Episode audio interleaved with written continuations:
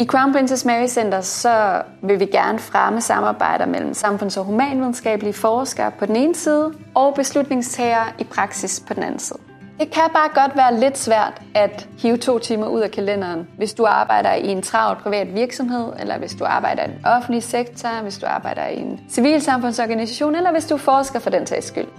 Den udfordring tog vi på os sammen med Veluxfonden og Concito, så vil vi afprøve et nyt workshopformat et mødested. Så vi udvalgte fire temaer i den grønne omstilling, og så inviterede vi folk, der til daglig arbejder med de her temaer, til at samles rundt om et bord for at udveksle erfaringer og nogle af de problemer, som de sidder med til daglig. Jeg synes, det var rigtig, rigtig spændende at være en del af den her workshop. Ikke mindst, fordi jeg sad der som repræsentant for klimabevægelsen og også som øh, lokal øh, græsrod og øh, blev sat sammen med mennesker, der, som øh, jeg kunne komme ind i en fascinerende dynamik med omkring det her med demokratisk inddragelse. Jeg synes, det var et, et, et godt rum at sidde med. Det er sjældent, jeg sidder med tre repræsentanter for forskningsverdenen på den her måde, og ligesom skal snakke ind i en forskningsverden, eller forsøge at bygge den bro mellem forskere og, og praksis. Det synes jeg faktisk var interessant, fordi udgangspunktet var så klart fra starten af.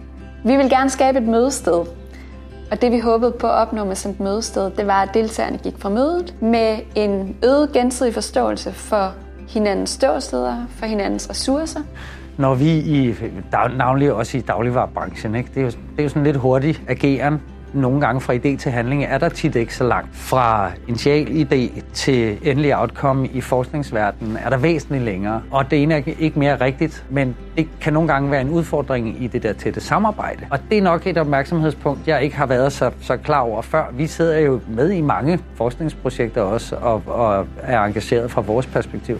Men det er noget af det, vi måske skal være opmærksomme på fra starten, når vi tegner sådan et projekt sammen med nogle forskere og sige, hvordan overkommer vi så, at det bliver en udfordring? Hvordan bruger vi det måske som fordel? Hvordan laver vi nogle nedslag, som gør os mindre utålmodige og dem mindre stressede over at skulle nå et eller andet hurtigt? Ikke? Det synes jeg er et spændende perspektiv, som jeg er blevet klog på i dag. Når man som øh, forsker som mig faktisk gerne vil de her praksissamarbejder, så er det altid vigtigt at forstå, hvad det er for nogle situationer, og nogle problemstillinger, men også øh, ressourcer og begrænsninger, som forskellige praksispartnere oplever. Der bliver jeg helt klart klogere i dag på, hvordan ser det egentlig ud, hvis man er en kommune? Hvordan ser det ud, hvis øh, man sidder i demokratisk erhverv?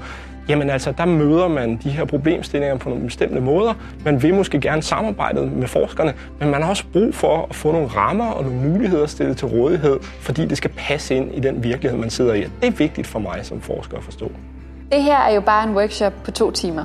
Men vi tror på, at det bare at bringe mennesker sammen, der ikke normalt tilbringer tid sammen på et kontor, det kan være første skridt på vejen mod at nå i mål med nogle af de her komplekse samfundsudfordringer, vi står med i dag. Og vi eksperimenterer løbende med nye metoder og nye måder at bringe folk sammen på.